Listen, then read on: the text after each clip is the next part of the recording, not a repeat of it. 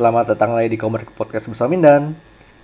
Dan High Priest. Ya, akhirnya dia balik. Hore. Setelah aral berutang kemarin. Anjir baper gue gak ikut episode Hellboy sumpah. Gak apa-apa, masih ada spoiler cast pasti. Masih ada spoiler cast gak apa Kesempatan masih ada. Jadi, Nah, tapi itu kayak itu kita. spoiler. Mhm. Ini spoiler cast juga ya. Oh iya,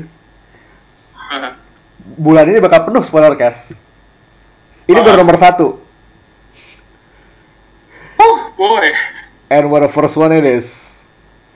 Mhm. Jadi kita bakal ngebahas Shazam. Wah. Ya. The other Captain Marvel movie Yeah. we got this year. Iya, lo dikasih dua film Captain Marvel dari dalam jarak kayak kurang dari sebulan. Oh, Nggak begah kok, nggak apa-apa. This is fine. Iya, nggak ini film superhero bener-bener nggak bikin begah. Oh, Oke, jadi kayak ah, Cap- kan Captain Marvel kan? ya, Shazam, uh, directed by David F. F. Sandberg ini yang pernah direct.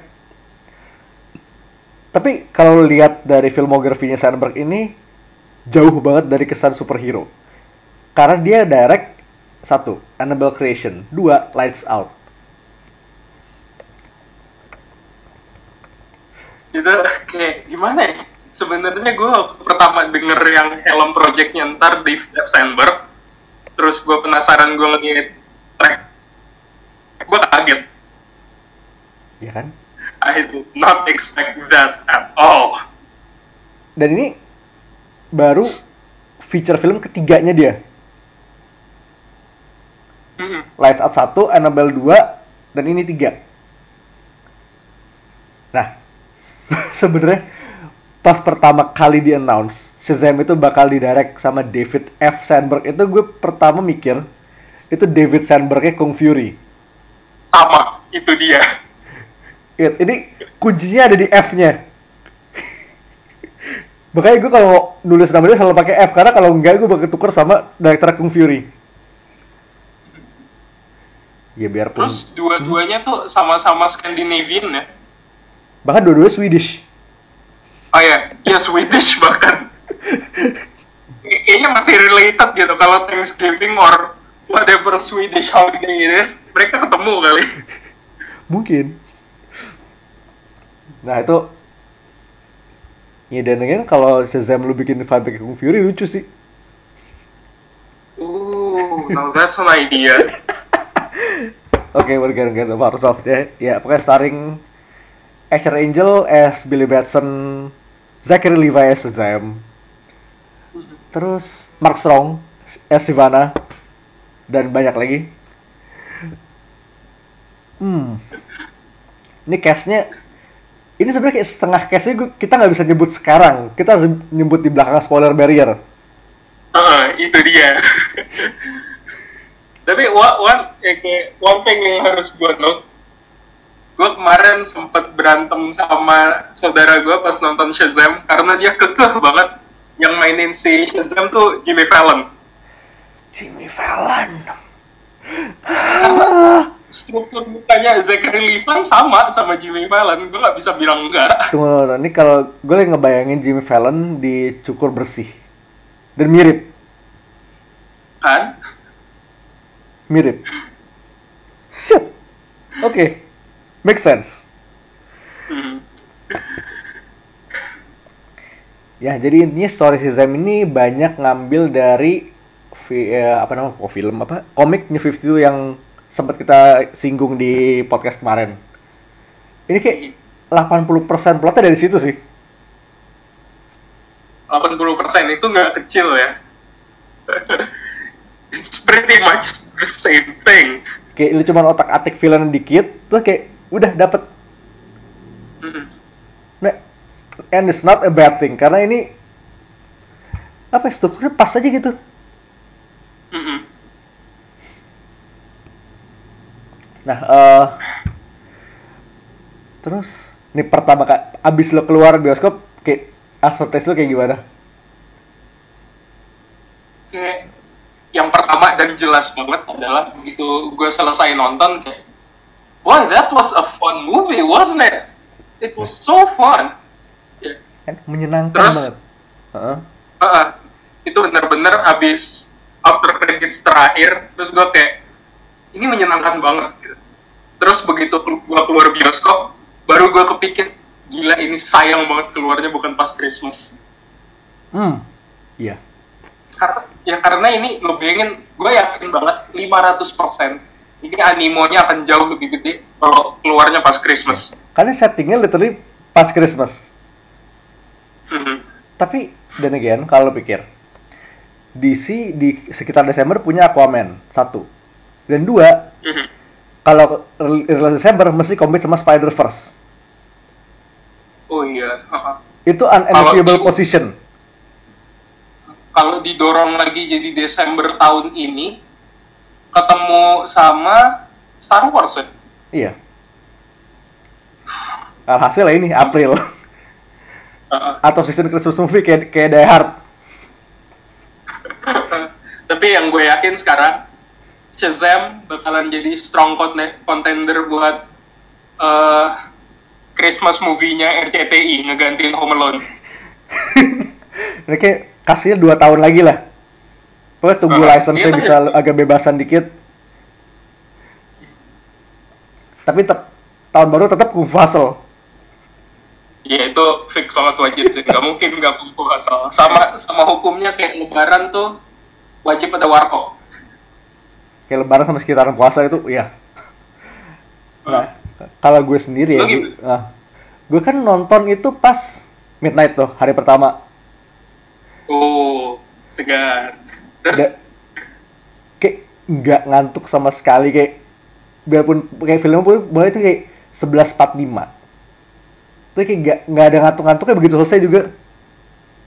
Karena kayak gue langsung apa ya langsung in, apa namanya involve aja gitu kayak it's so fun. Ini kayak emang rasanya kayak lu naik nonton film superhero pas lu kayak masih umur 10 gitu loh. All full of wonders gitu karena emang sebagus itu. Heeh. Oh, man. Bagus banget. Nah, jadi seperti kita ngomongin tadi, kayak setengah film ini kayak harus berada di balik spoiler barrier. Jadi inilah spoiler akan dimulai setelah nada berikut. Spoiler alert! Spoiler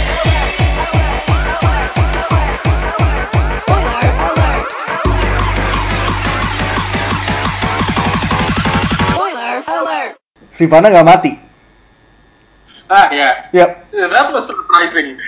That was surprising. Dan kayak satu hal yang gue suka banget dari Sivana di sini, satu, ini Mark Strong, yang kayak selalu A plus lah. Bahkan kayak, bahkan ketika kita mengingat-ingat Green Lantern, Uh, hmm, dia tuh kayak salah, salah satu bright spotnya. Dan di sini tuh kayak mereka kayak ada lebih pay attention ke filmnya. Karena scene pertama yang lo lihat di film ini bukan bukan Billy, bukan any of the foster kids, tapi Sivana. Yes, kayak for, for an opening, it was pretty dark, wasn't it? Iya. Uh. Kayak establishing uh, Rock of Eternity dan mekanisme yang ngebawa orang-orang ke Rock of Eternity itu. Oh boy, Jimon Honsu, man. Dia ada di dua film Captain Marvel tahun ini. itu dia. He likes Captain Marvel very much.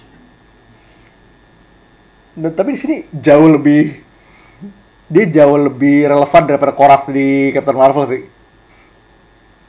Korak tuh kayak figuran doang gitu.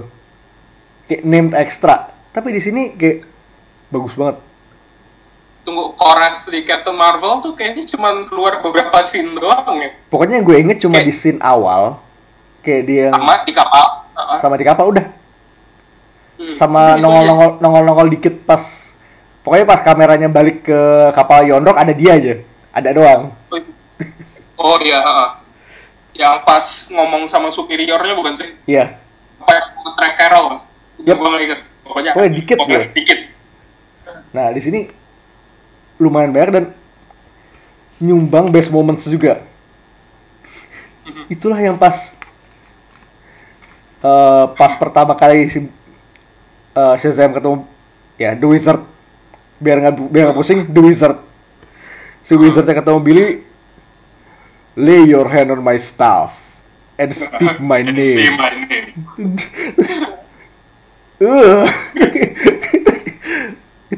Pemilihan katanya itu that couldn't be better Uh, Kayak gue ngakak sekenceng-kencengnya di adegan itu sumpah. Anak di sebelah gue nggak paham, but boy, blissfully innocent uh, in the next five years you'll know, kid. Tapi sebenarnya adegan yang gue suka banget tuh waktu Billy ketemu sama The Wizard, Hmm. terus kayak tiba-tiba dia kayak, oh, you're that guy. Listen, I don't have any money. itu gini eh juga itu kayak lo beneran ngelihat orang gila di itu di di subway oh dan satu ha- satu touch kecil yang bener-bener bikin gue ngakak banget adalah pas eh, keretanya Billy berhenti di Rock of Eternity pintunya kebuka Hah? itu udah mystical cave kan Uh, si Beko masih ngeliat masih ngeliat peta dulu Iya, itu gue ngangkat banget. Terus begitu turun, dia masih kayak, I'm supposed to, to stop at the 30, so it's okay, I'm just gonna go head back. Hmm. Tapi ini Rock of Eternity ini settingnya bagus. Set desainnya bagus banget. Hmm, Ini kalau lo pernah kayak sebenarnya. Rock of Eternity-nya, kalau lo pakai jadi eh kayak set buat Dark Universe yang nggak jadi, gue masih tetap percaya. oh bag nyampe sih itu. Kayak bisa pakai lo buat film Mummy 2 gitu. Oh, Tahu entah muminya siapa? siapa? Nggak tahu. Doug Jones deh. Kayak actual an actual perban mummy for once gitu. Uh, kayak that would have been awesome. Oh, oke. Yang bisa ngebuat itu lebih baik adalah maminya Jimon Honsu. Ya, iya udah, I approve. Cause why not? Hmm, Tapi ini kalau lo sering pernah lihat Rock of Eternity versi komik yang ada apa patung-patung Seven Deadly Sins berderet, di sini ada. Mhm. Dan di sini patungnya tuh nggak selucu di komik-komik pre New 52. Ini kayak patung gargoyles gitu. Oh, Cuma kayak satu komplain gue adalah eh, Hah? batunya abu-abu gelap. Tulisan yang diukir hitam, gue kagak bisa baca aja. Itu kayak kalau nggak ada teksnya yang ngejelasin patung itu representing siapa, gue nggak akan bisa baca.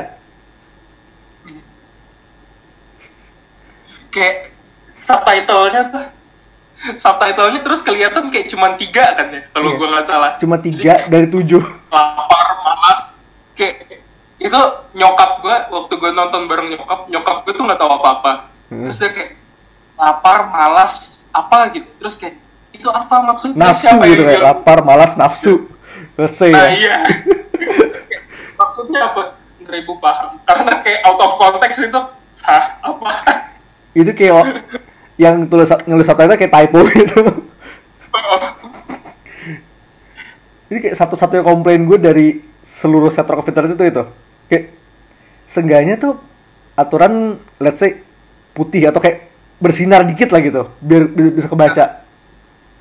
Kalau enggak kayak ada plakatnya gitulah Ah, jadi kelihatan better. juga sendiri Heeh. Tapi in any case tuh setnya bagus. Heeh. Dan ini satu set dressing yang gue kira bakal jadi set dressing doang. Tapi ternyata jadi big plot point itu itu Mr. Mind. ah iya Gini, gue kan pas awal si Sivana kecil dibawa ke Rock of Eternity kan gue mikir ada toples isinya ulet. Siapa lagi? Mhm. terus oke udah paling cuma Easter egg. Paling nggak akan dipakai. Terus kita balik ke kita maju ke Billy pas datang ke Rock Victory toplesnya pecah. Uletnya hilang. Terus kayak udah mulai mikir nih do they dare? Apakah mereka berani make villain yang konsepnya seajaib itu di live action Spoiler, ya mereka seber Yes, they did. Blanks. Nah, ini sebenarnya pembahasan buat sedikit di podcast ini kayak nanti kita kayak we'll pick up on that little later. Dan satu hal lagi stand out adalah foster family-nya Billy. Man, itu kayak anget banget gue liatnya. Family sitcom material. super cute. Victor sama siapa sih satu lagi? Rosa ya? Rosa, Heeh. si apa orang tuanya. Nih, Victor tuh absolute unit banget. Eh, gue aja. Apa Victor tuh mirip Roald? Apa? Victor mirip Roald. Ya, shout out to our boy Ro Yeah. for being in Shazam. Yep. Lu muncul sebagai Lo lo gak salah karena waktu gue pertama lihat tuh gue kayak kayaknya gue pernah lihat deh, tapi bukan di film siapa ya? Roal, aduh. Gak apa tapi main Victor sama Rosa tuh kayak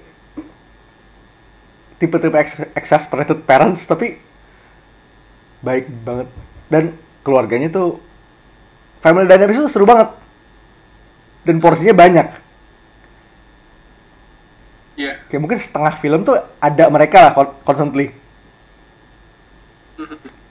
di sekolah ataupun di rumah. Hmm. Dan yang gue suka di sini mereka semua flash out. Nah, itu dia kayak tuh anak total sama plus Billy kan ada 6 ya.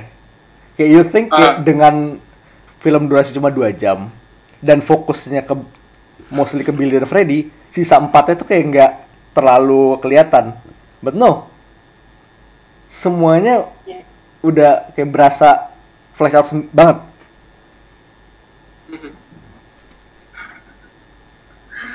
Pedro is my favorite. Absolute unit juga. Sebenarnya favorite gue gara-gara I relate to him so much. Buang nilai di kamar mandi, boy. I've been there. Haven't we all? Dan ini masih relate ke family. Kayak lu nggak bisa bahas film ini tanpa bahas kayak favorite moment tuh kayak berat di Freddy sama Billy. Tapi superhero testing sequence tuh kayak easily one of the best moments in superhero movies kayak tahun ini. That's what I really like about this movie. It's about a kid getting a superpower, and they're still and they're still being. If I were 14 or 15, I would have done the exact same thing. Oh my god, coba coba.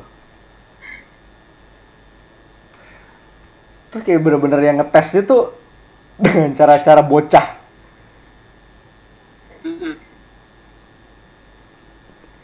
Itu saya the best itu yang itu apa teleportation test yang di ternyata diganti fire fire resistant test. Goblok. Kayak surprise fire.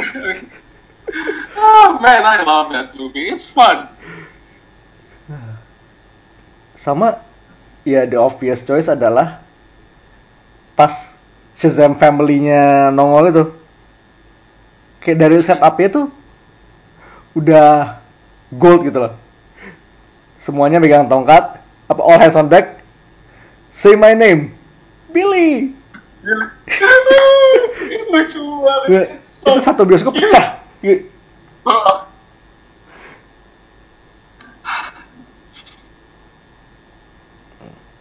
Uh.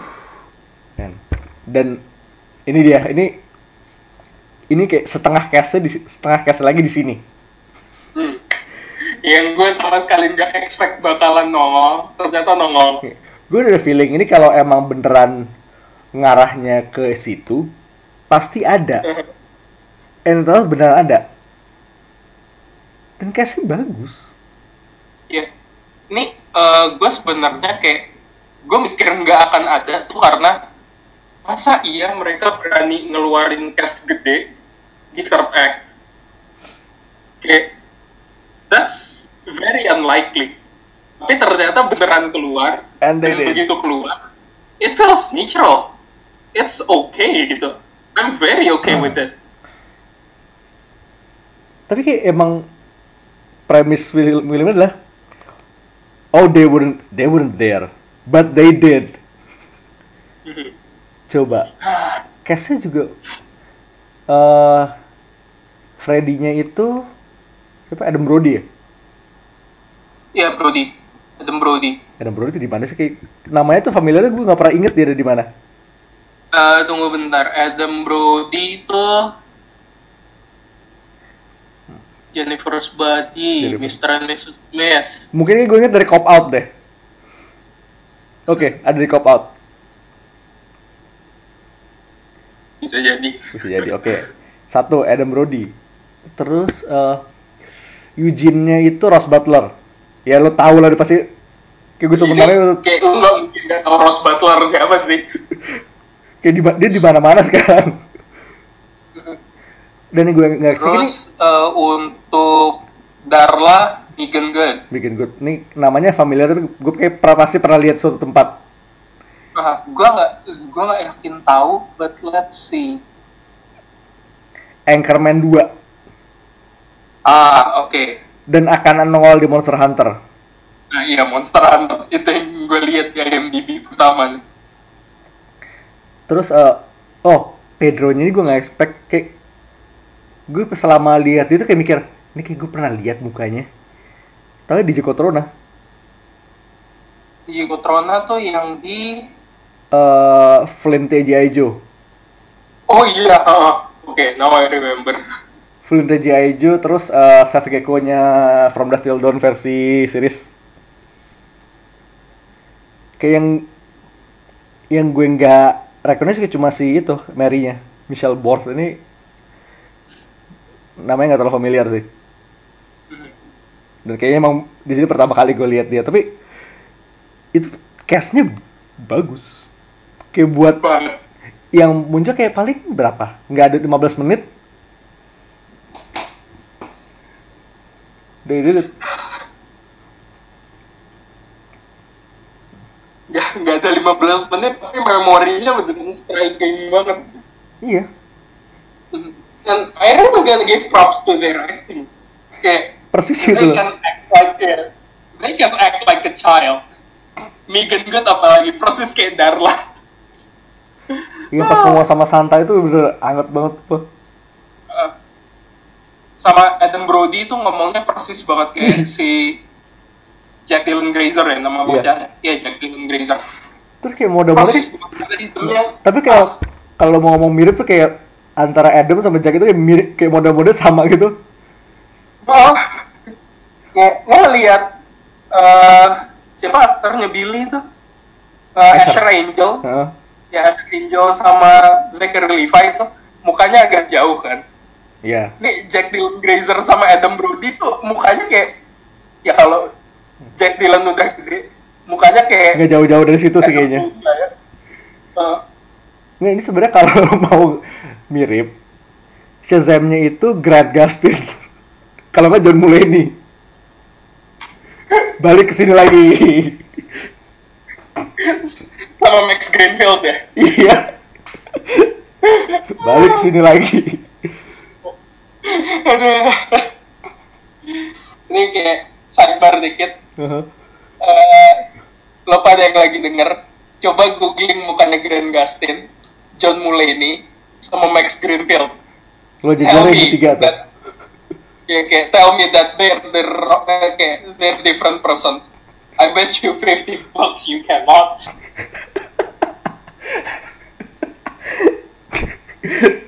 Soalnya ada itu si abang ini punya personal experience katanya ada yang insist Mer- mereka bertiga itu orang yang sama.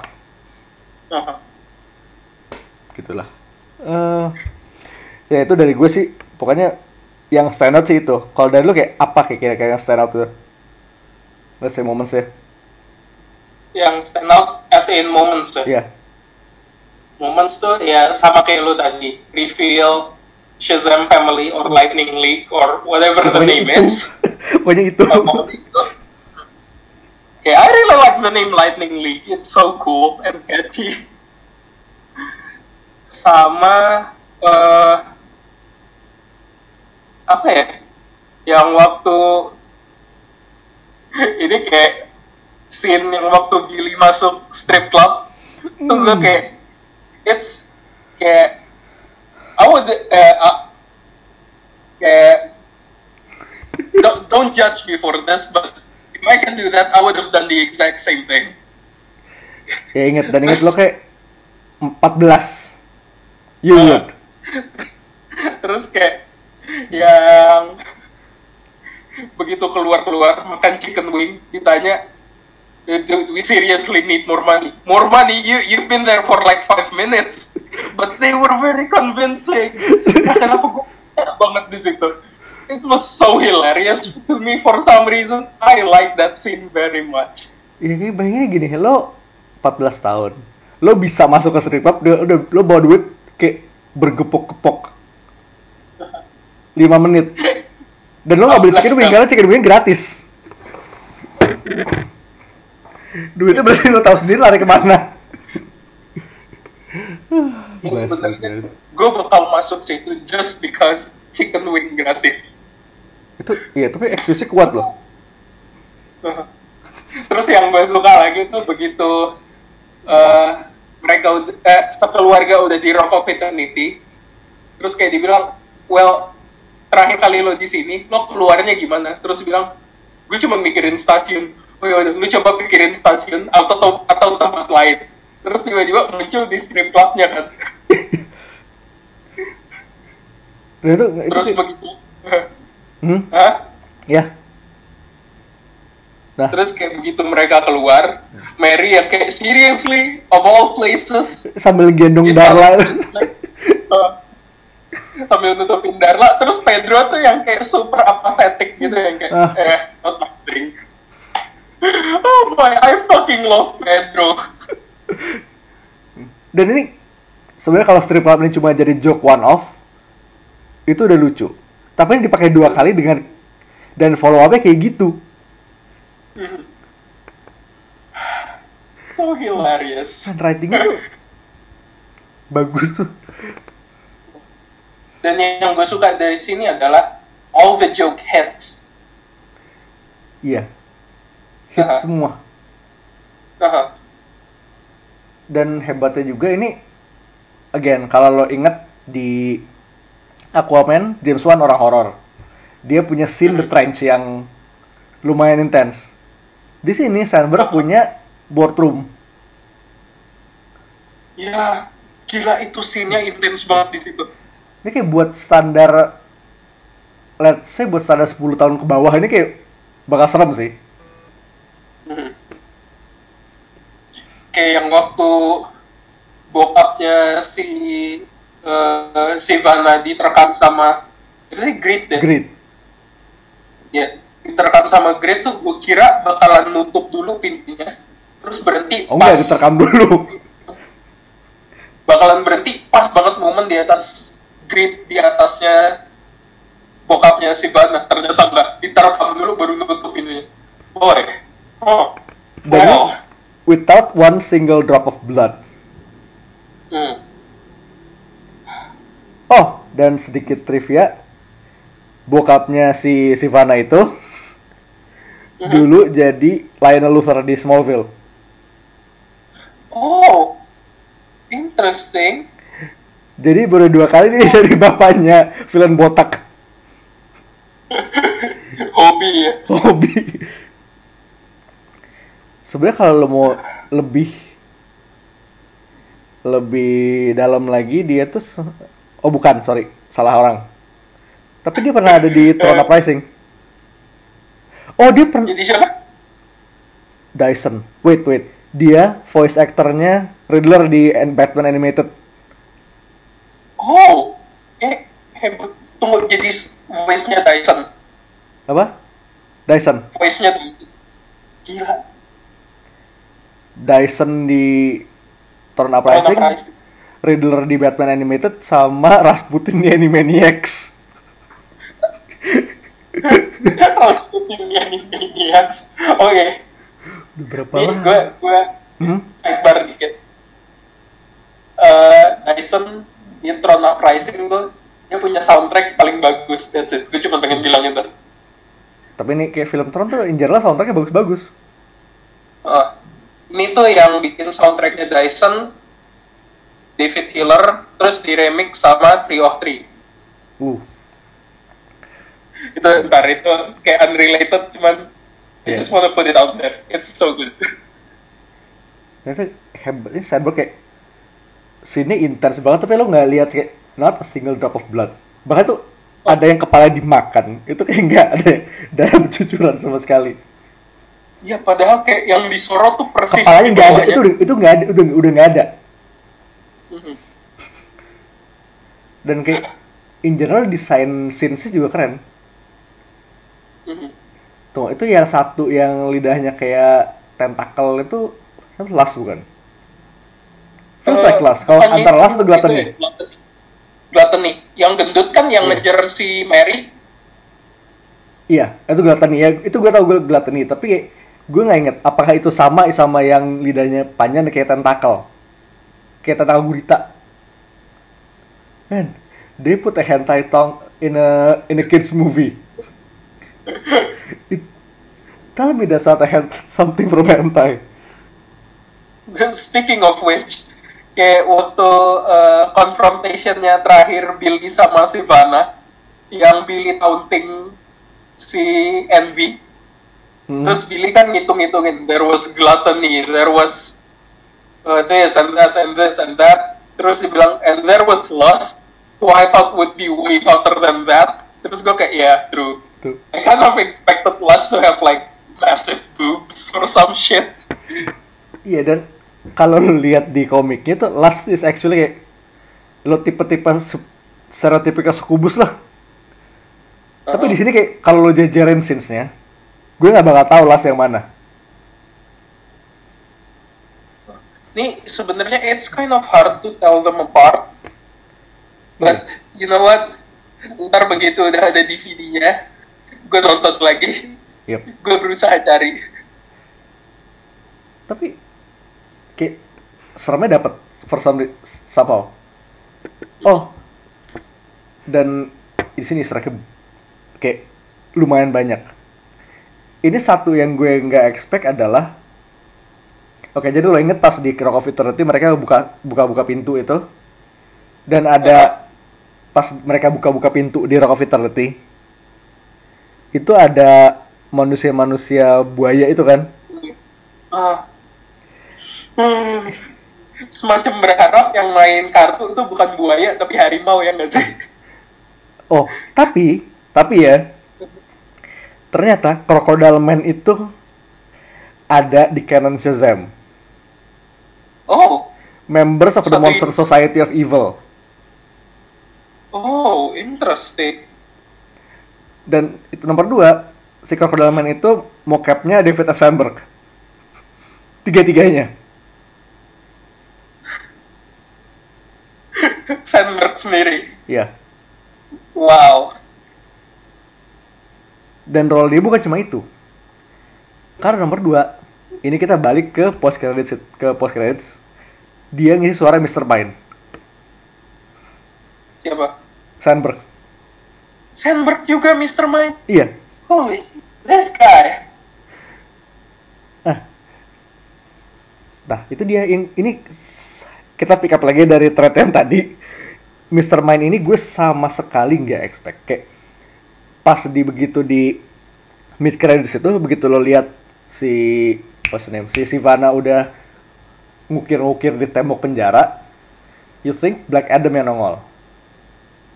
Oh, also by the way, pas pertama di awal Billy ketemu si Wizard itu dia cerita tentang sejarah penyalahgunaan powernya. First champion itu persis banget The Rock. ya Dwayne Johnson kan yang Iya. mainin Holo, biarpun hologram doang gitu.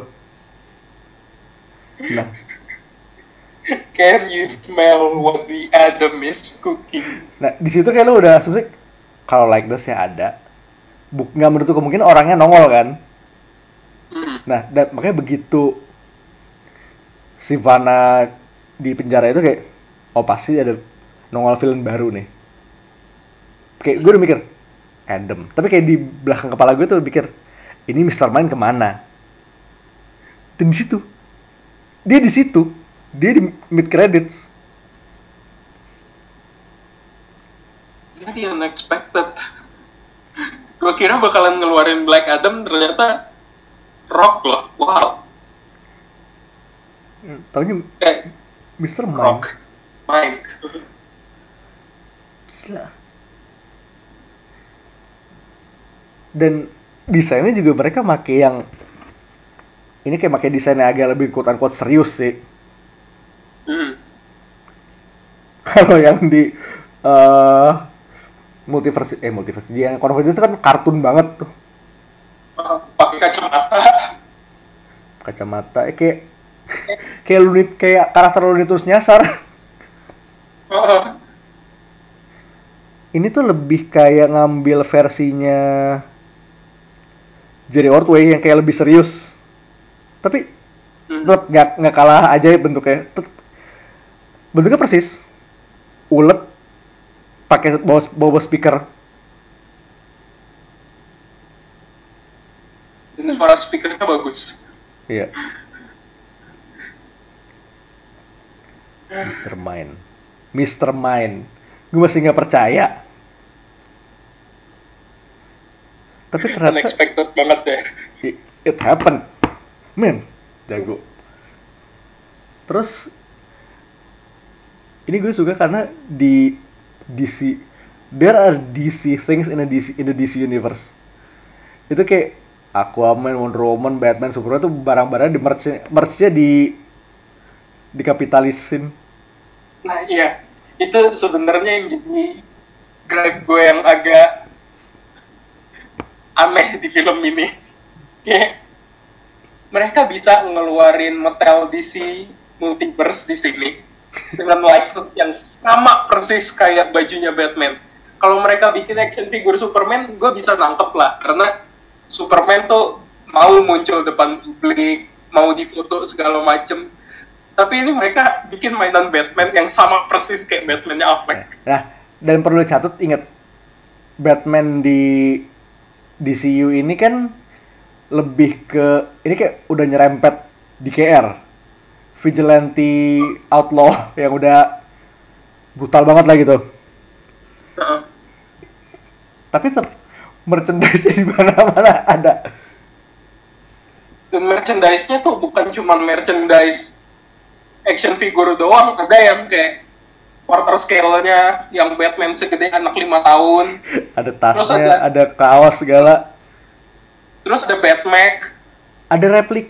Wait, Batman itu kan sebenarnya based on Mac-nya si Gordon ya? Heeh. itu dia kayak apakah artinya di universe ini ini pernah kejadian? Makes you think, doesn't it? Dan ada yang bis- Terus- ada yang bisnis replika bat Batarang. Heeh. Dan kalau gua nggak eh, kalau bisnis replika nih, gue masih kayak understandable lah. Even though you're a villain, mungkin kayak eh, I would like to believe that kalau di universe ini ada Brainiac, pasti ada yang bikin replika apanya Brainiac gitu. Iya. Batman reasonable. Yang gue kagum di sini adalah balik lagi ke DC Multiverse kalau gue nggak salah ya, Hmm. itu wave-nya yang build eh, build up apa sih itu grappling gun replika Iya. gitu. Ha-ha. Ya jadi mereka bisa bikin replikanya eh bad grappling gun. Terus kalau gua nggak salah lagi di Mhm. wave itu ada action figure-nya Jesse Eisenberg, Lex Luthor. so they make an action figure of a villain, I guess. Of a super criminal. But you know what?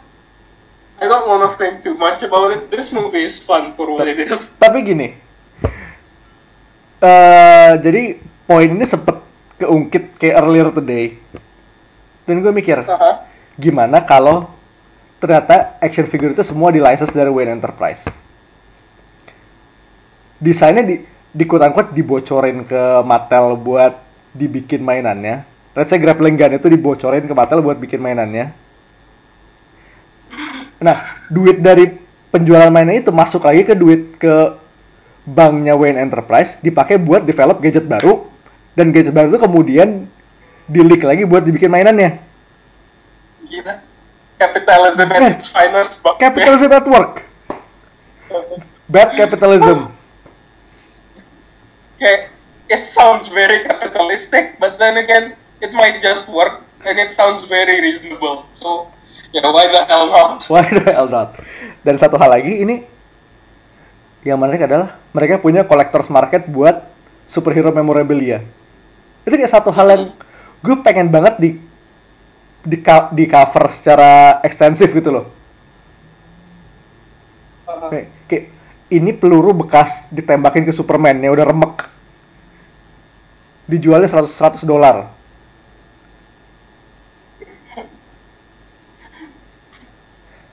Ini tuh ngingetin gue sama ada cerita di Batman 1000 kemarin.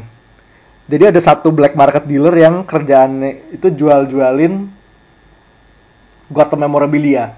Ya entah itu canister Joker gas, palu bekasannya Harley, layangannya Kite Man, hell yeah. Hell yeah. Dan ada satu memorabilia tuh satu biggest plot points itu adalah pistol yang pakai jocil buat ngebunuh Thomas and Martha Wayne. Ooh, man. Nah, gue, gue penasaran, gue pengen lihat kehidup kayak men lu bayangin Pawn Stars DC Universe apa sih namanya oh Antiques Roadshow-nya DC Universe lu bayangin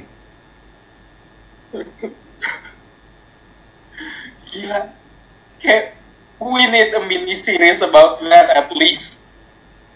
ini kayak tipe-tipe apa pertanyaan yang kayak bisa jawab dengan serius kayak powerless kayak. Oke kita udah sering banget lihat sisi superhero nya dunia ini. Apa sih kayak yang terjadi di dari mata orang publik gitu? Sama kayak Marvel sama kayak powerless. Kita justru kadang pertanyaan itu yang lebih seru buat dia dijawab Kayak, lo bawa bekas peluru gitu.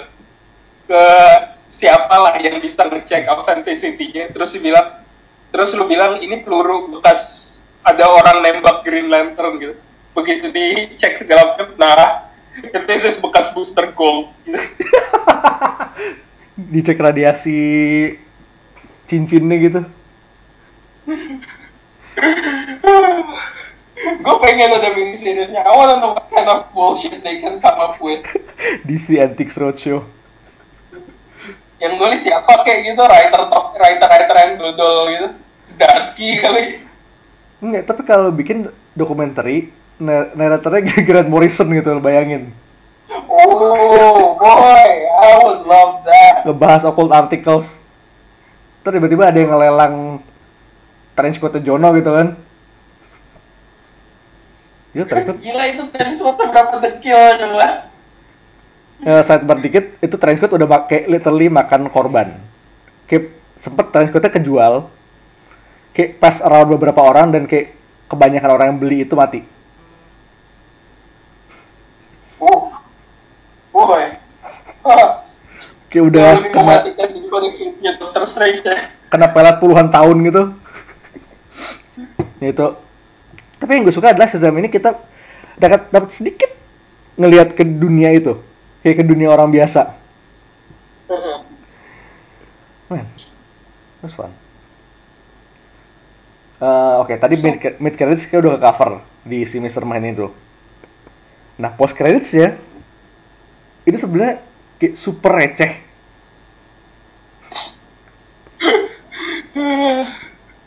I can't believe I waited a whole 10 minutes just to see that.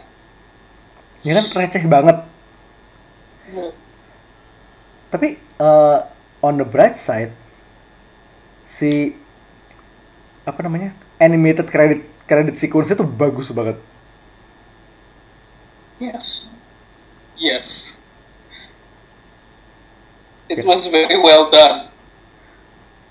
Ini kayak gue lihat tuh kayak model-modelnya Homecoming ya sih kayak dari gambar-gambar anak kecil gitu. Mhm. I like this better than Homecomings karena Iya. kelihatannya lebih scrappy gitu. Iya kayak emang oh kayak itu gue inget kayak Wimpy Kid. Ya, ah, nggak salah. Oh dan satu lagi eh, Easter egg lebih kecil agak banyak sih kan. Wait, yang satu hal yang butuh apresiasi tambahan adalah Billy unironically says holy moly. Oh, yes. Gila dia 2018 19 dan masih ada bocah 14 tahun yang ngomong holy moly. Dibanding sama Unironically. Freddy tuh swearing beneran swearing soalnya.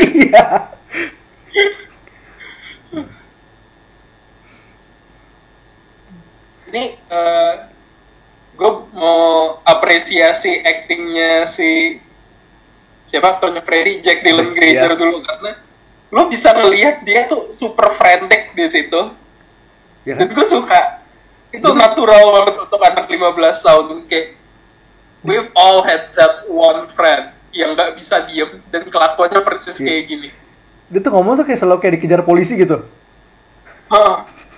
If- exactly kayak up to no good. Kata up to no Billy good. Ah. Nah, ya gue jadi keinget adegan yang itu. Yang mereka mau kabur sekolah pertama kali terus pengen school gak terus kayak dibilang oh so this is the guard everybody's been talking about. The one the one you guys love so much nah this one's an asshole kayak dengan tanpa without missing a beat. we'll see you later Mr. Moron it's Moran Moran.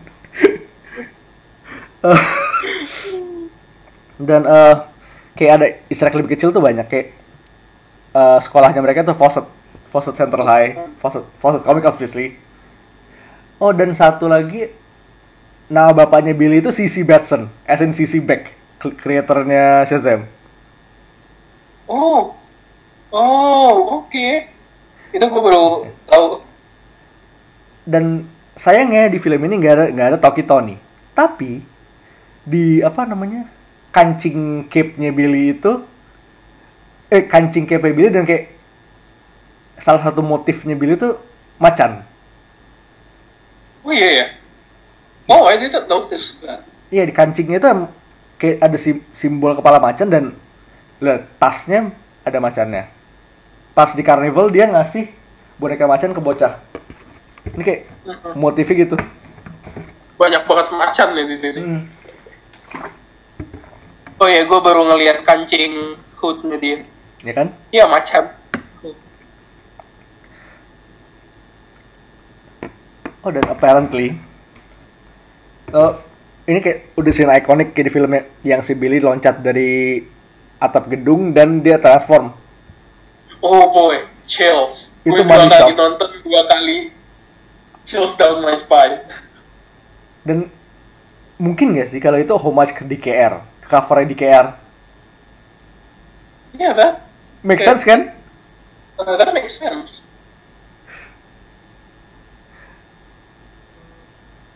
Bagus. Dan bahkan Oh. ketika enggak ya emang itu kino banget. Man. Satu sequence tuh kayak bener-bener If I have to sum the whole movie with one shot itu itu one perfect shot ya. Kayak shot transformation. Kayaknya semua shot transformation Billy di sini keren sih. Iya, tapi kayak yang waktu kayak ada yang waktu dia habis ngomong sama itunya what good is a superhero if Itu he yang Carnival ya? it?" sambil Ah, jalan. terus pas dia jalan bilang Shazam berubah itu keren banget di situ But that one, that one takes the cake. Kayak Iya. Loncat itu udah paling keren sih emang. Oh sama yang itu yang mana? yang eh, abis si Bana nyemplungin kepalanya Billy terus Mary nembak si Bana. Oh, terus Billy Oh. dia sempet ngomong Shazam lagi. Itu keren sih yang mendadak fognya mulai hilang terus kelihatan insignia petirnya. It's pretty damn cool. Yes. Tapi ini kayak itu kayak satu satu dari sedikit waktu di mana gue prefer kostumnya yang baru. Karena kalau lu pakai kostum yang lama itu petirnya nggak nyala. Heeh. dan reveal Shazam Family nggak akan sekeren itu iya. Tapi sih gue pengen sih pengen lihat kostum yang lama.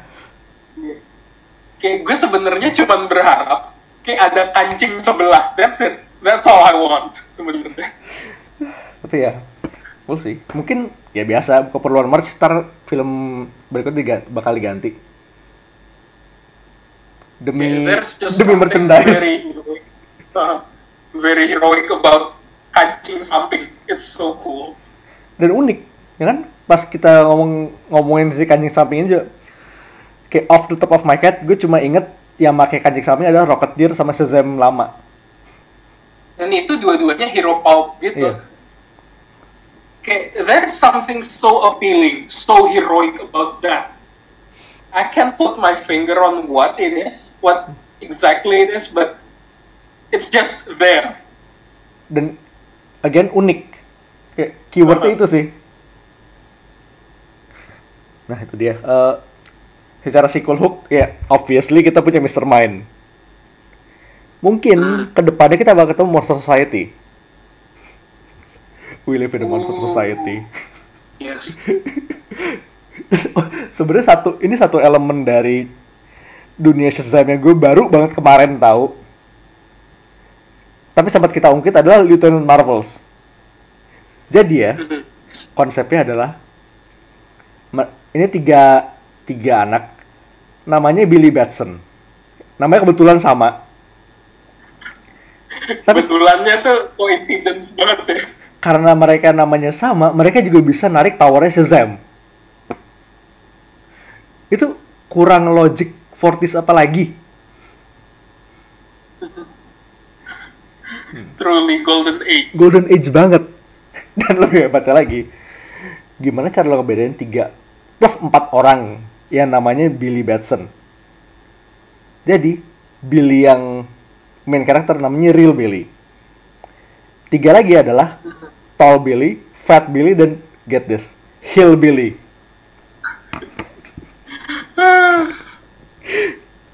Wah, man. Ini Golden Age banget, gue suka. Ya, Mr. Mind, Miss Monster Society, dan gue semuanya berharap Toki Tony bakal muncul di next next movie. I really hope he'll appear Karena bahkan kalau lihat di yang New 52 itu ada macan yang kena power Shazam jadi gede. Nah, di sini kayak Sebenarnya dengan dengan Rock of Eternity ternyata punya banyak pintu ke banyak dunia kayak mungkin banget ya sih itu du- salah satu pintunya itu bakal ngujungnya ke apa Wildlands ya Tony. Nah, salah satu lagi itu dia. Hmm. Seven Lands itu udah kesebut sama Mr. Mind. Seven Lands ini elemen yang baru dikenalin di kemarin sih di itunya Jeff Jones. Apa? Magic Fun beneran Lands. Trans Shazam yang ini ya Iya. Masih baru itu konsepnya. Uh-huh. Game Lands segala macem. Dan itu dengan tujuh lensnya kalau misalnya lo mau explore itu semua dalam satu film tuh bisa bakal keren banget sih. yes Kayak filmnya bakal rada-rada RPO gitu. Apalagi di Game Lens. Men, lo bayangin tuh bisa kayak Tron banget. Karena visual di komik aja udah tron banget loh Iya. Itu sangat Tron. tapi Tron punya Disney nggak bisa nyolong ya Oh iya, iya. Nggak tapi mereka nggak punya monopoli buat neon estetik ya? Ah, Belum at least. Blade Runner tuh dipegang siapa? Blade Runner, Alcon kan studionya. Coba. Hai, nggak bisa ngambil ya. Padahal keren kalau tiba-tiba di, di sini kayak Gameland estetiknya cyberpunk. Anjir, keren sih. Production company-nya adalah mana studionya sih? Alcon Columbia, distributed by Warner Bros. Oke, Oke. masih Bisa, bisa. bisa nyolong ya. Ada kemungkinan. Tapi tuh intinya dunia buat ke sequelnya kebuka lewat lewat le- lebar banget. Uh-huh. Nah, as for comics, kemarin kita udah sempet nge-spotlight banyak banget. Tapi kita mau reiterate aja, eh Shazam-nya New 52 itu bacaan wajib. Mhm. Current series, ya. Dan sama itu, eh Power of Hope-nya Paul Dini sama Alex Ross. Jadi kayak kalau Hmm. lo butuh satu buku kayak buat nge epitomize Shazam, kayaknya gue bakal milih buku itu. Ya nggak salah sih. Karena bagusnya nggak nggak kelewat nggak tanggung tanggung banget. Boy, that fucking guy. Dan dan itulah sat podcast pertama kita bulan ini. Terus uh, dari berapa banyak Satu film dari- kita. Berarti kalau kita lihat dari jadwal sih tiga. Eh, Hellboy sama Endgame ya. Yep. Endgame. Ntar lagi. Hellboy. Eh, by the time ini keluar besok kayak keesokan harinya. Aha. Men, sibuk. Nggak apa. We don't mind. We don't mind. all. Pokoknya ini bakal jadi wait bukan cuma bulan ini. Dua bulan ke depan nih bakal jadi waktu yang menarik banget buat komik podcast. Bulan ini kita punya bulan ini kita punya yaitu film seujuk-ujuk. Bulan depan kita punya special month. Let's say it's gonna be monstrous. Oh. It's monstrous, it's huge. I am super excited for this. list ki- kita udah bikin list dan ini listnya tuh bikin hype banget ngelihat judulnya tuh It's bikin hype boy season, boys and big girls. season. Oh man. Ah, oke so buat sekarang itu dia. Our Shazam Spoilercast. So we'll see you next time. Uh, so this is Mindan this is Hype signing off. Peace. out